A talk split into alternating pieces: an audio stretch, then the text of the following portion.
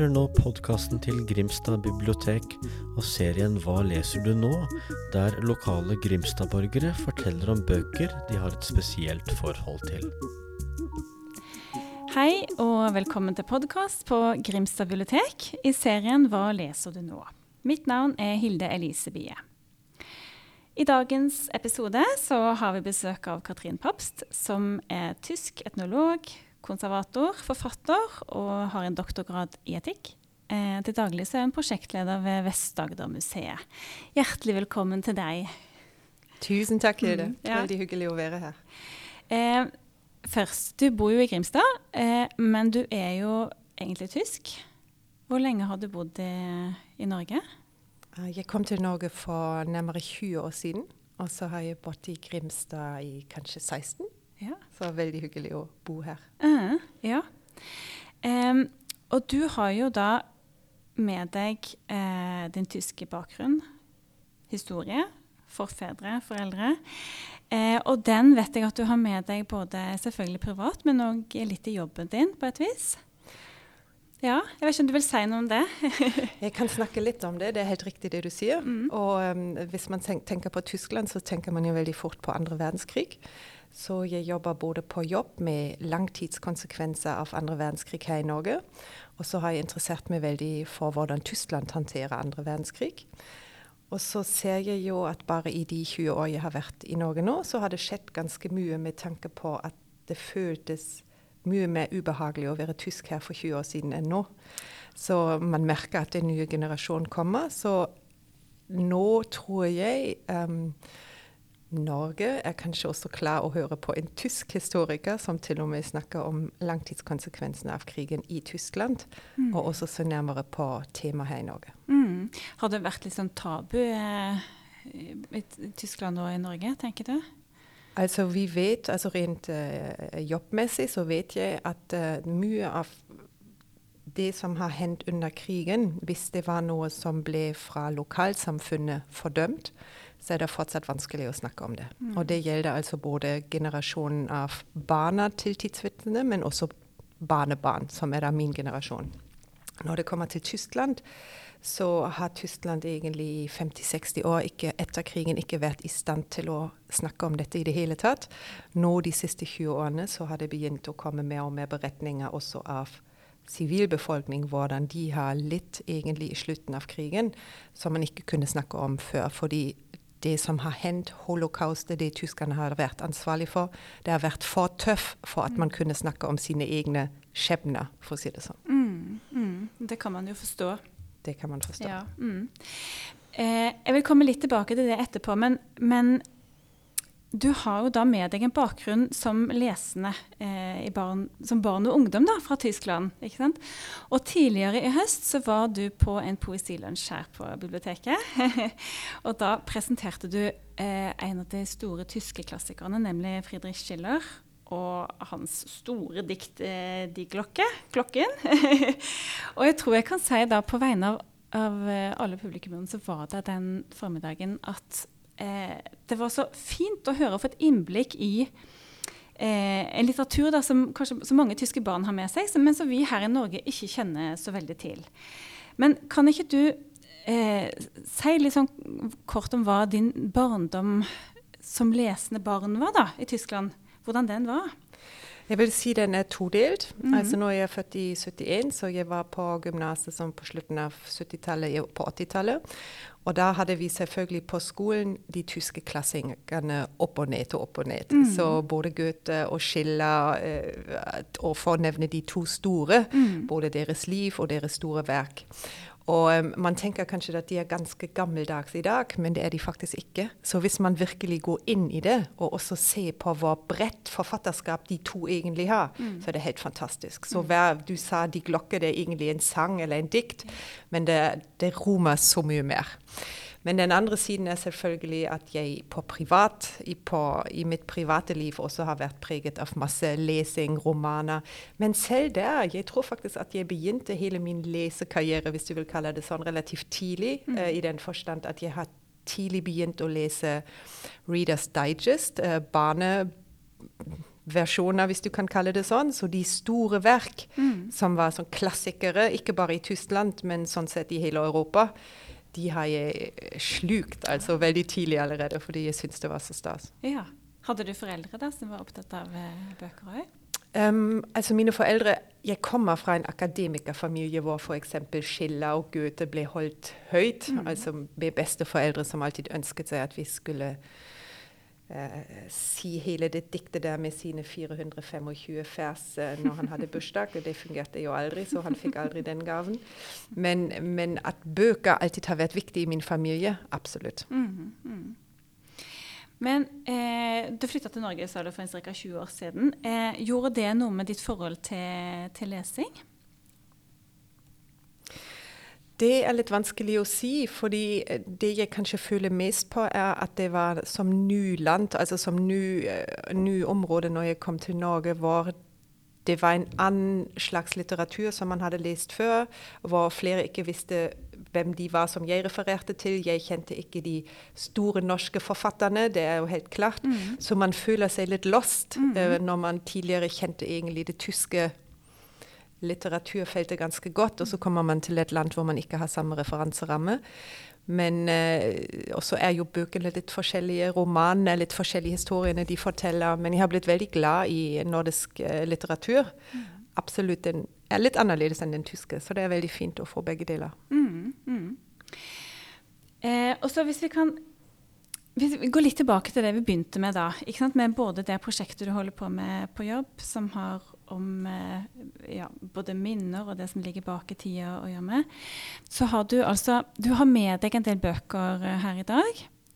Eh, jeg vet ikke om du kanskje vil ta, liksom, ta utgangspunkt i de og fortelle litt om, eh, om lesingen og om litteraturen som finnes rundt det? Mm.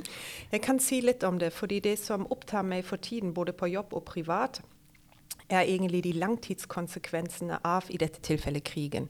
Nå er jeg tredje generasjon. Mine besteforeldre har opplevd krigen. Min mor er slutt, er født, eller Mine foreldre er født på slutten av krigen, og jeg er 30 år etter krigen, eller 25 år etter krigen. Og likevel merker jeg krigen uten at den noen gang har blitt adressert eller snakket om.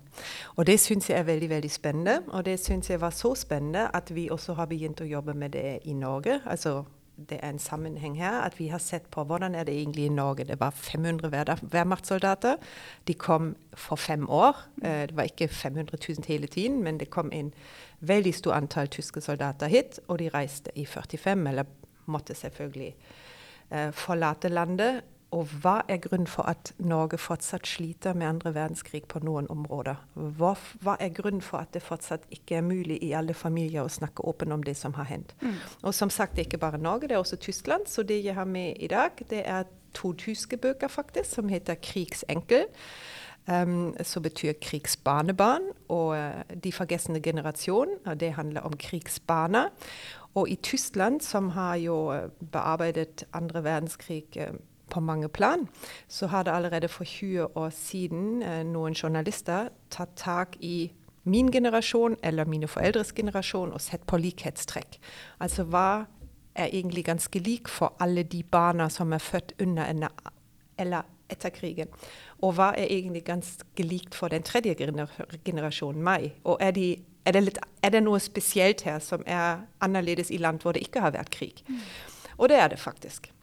Og det syns jeg er veldig interessant. Og så ser jeg også at uh, det i andre land kommer flere og flere publikasjoner. Og blant annet har jeg en bok her som verken er fra Norge eller fra Tyskland.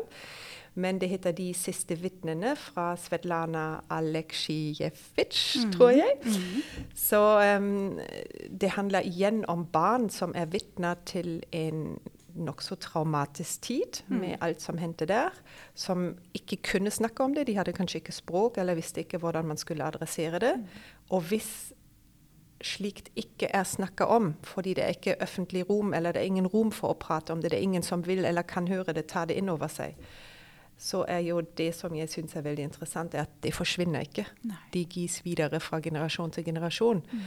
Um, og det kommer flere og flere fagfelt på banen nå. Vi snakker om epigenetikk, psykologi selvfølgelig, og nå også historiefaget. Mm. Og det syns jeg er meget spennende. Mm.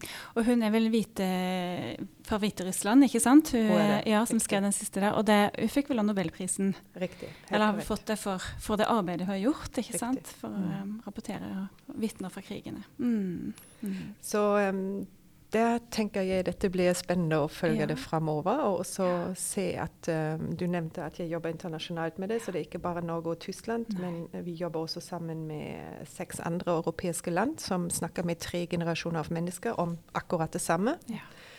Og man ser jo likhetstrekk alle steder, og det er det som jeg syns er veldig interessant. Hmm. Kjempespennende.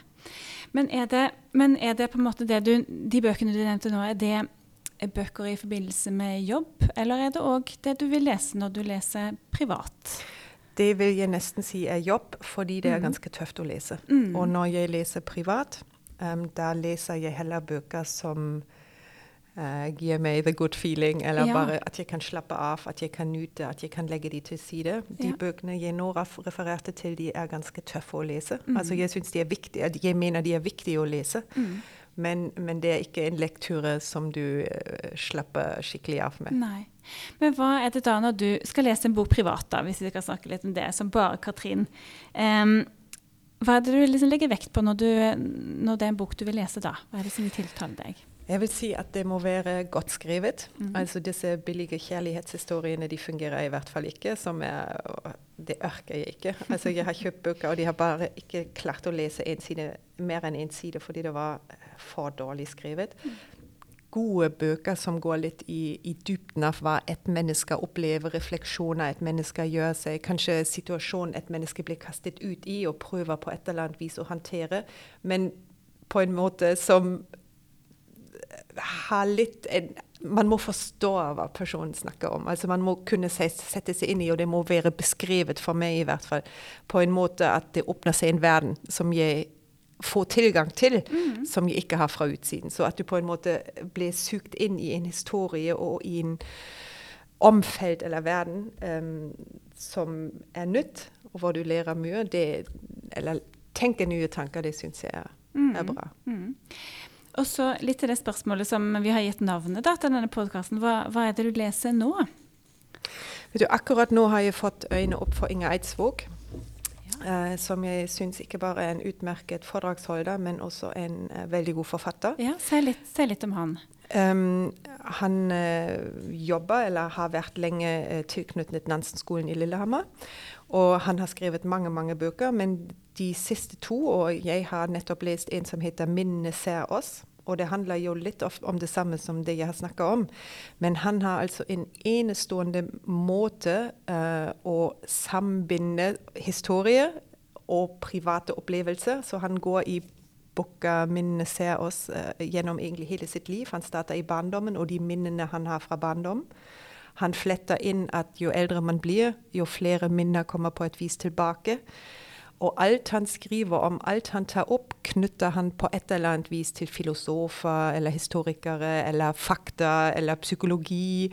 Så han går egentlig gjennom hvordan vårt menneskelige hjerne fungerer, hvordan minnene oppstår, hva de betyr for oss. At de kan være selvfølgelig falske i den forstand at eh, ting har ikke nødvendigvis skjedd akkurat sånn som vi husker det, men den, de minnene vi har, de preger oss. Så dette er en kjempefin bok. Og så det neste bok jeg skal lese, eh, fordi det er akkurat passelig, passelig blanding mellom å bli sugd inn i hans liv og lære noe nytt Ja. på en avslappende måte, Ja. er hans nyeste bok som heter 'I livets skole rapport fra en avgangselev'. Da har du Nansen-skolen, regner jeg med. Og avgangselev høres jo nesten ut som om han sier takk for seg. Um, det håper jeg han ikke gjør som forfatter. Nei. Så bra. Veldig gode tips. Eh, og det her er jo mer eh, Det er jo ikke faglitteratur, men det er heller ikke ren skjønnlitteratur. Men leser du noen ganger skjønnlitteratur? Har du noen, tips der òg? Jeg har ufattelig mange bøker hjemme. Men jeg har ikke akkurat her og nå en sånn bok eh, som hva jeg ville si Den der har jeg lest nettopp. Nei. Nei. Men jeg, jeg, jeg opplevde jo ofte at når jeg jeg leser jo veldig mye skjønnlitteratur, og litt for lite kanskje av den litteraturen som du nettopp nå nevnte. Eh, som òg kan gi da eh, et godt innblikk i noe annet, og likevel ha, være god litteratur. Ikke sant? Så det er jo absolutt, fin kombinasjon. Mm. Um, Jeg er jo litt fristet til å spørre deg nå hva du vil anbefale. Hvis jeg skal lese skjønnlitteratur nå, så hva er det jeg skulle få tak i?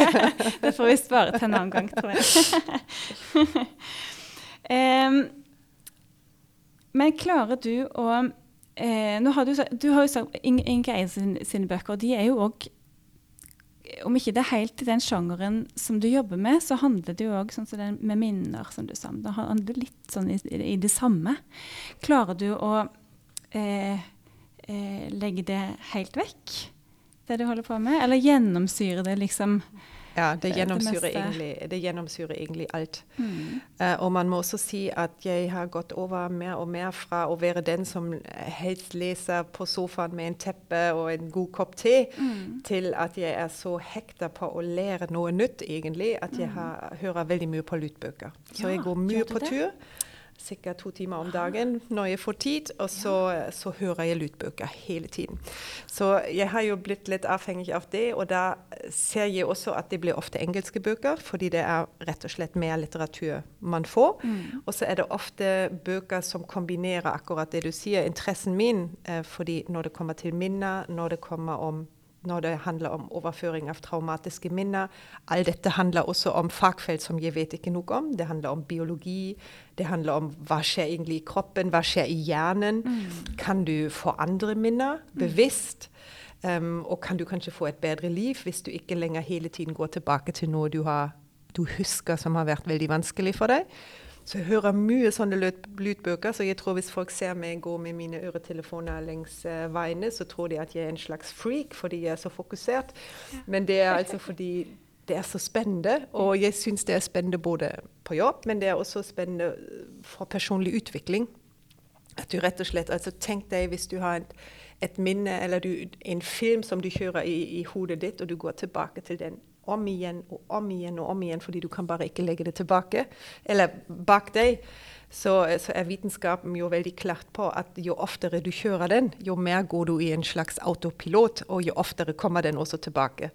Og der fins det nok triks i anførselstegn um, som sier at hvis du eh, kan på en måte påvirke hjernen din på korrekt måte, så slipper du denne film og har mye bedre muligheter for et bedre liv. Sånt syns jeg er veldig spennende. Ja. Så det, det liker jeg å lese eller høre om i dette tilfellet. Ha, så fint. Um, men når du da skal lese noe helt annet, er det, er det lydbøker, eller er det som du hører på, eller er det mm, eh, bok, liksom? Papirbok? Hvis, hvis det er noe helt annet, er det en bok. Fordi ingenting er egentlig bedre enn noe fysisk i hendene. Um, så det er absolutt det som jeg foretrekker når jeg sitter på en sofa eller en, i en god stol eller et sted hvor det er gøy å bare slappe av og lese. Mm, så bra. Um, ja. Men vet du, det her var så fint å prate med deg. og jeg kjenner at vi kunne ha prata mye lenger. Eh, men du kommer på biblioteket sannsynligvis til våren, i januar kanskje, og skal snakke litt mer om det du holder på med i jobben din. Så det Det gleder jeg meg stort til, så tusen takk. Jo, takk skal du ha. Takk for det. Du har nå hørt podkasten til Grimstad bibliotek og serien Hva leser du nå? Du har nettopp hørt en lokal Grimstad-borger fortelle om sine spesielle bøker, og hvis du skulle være interessert i å lese disse, så kan du få dem på biblioteket eller i appen Bookbites.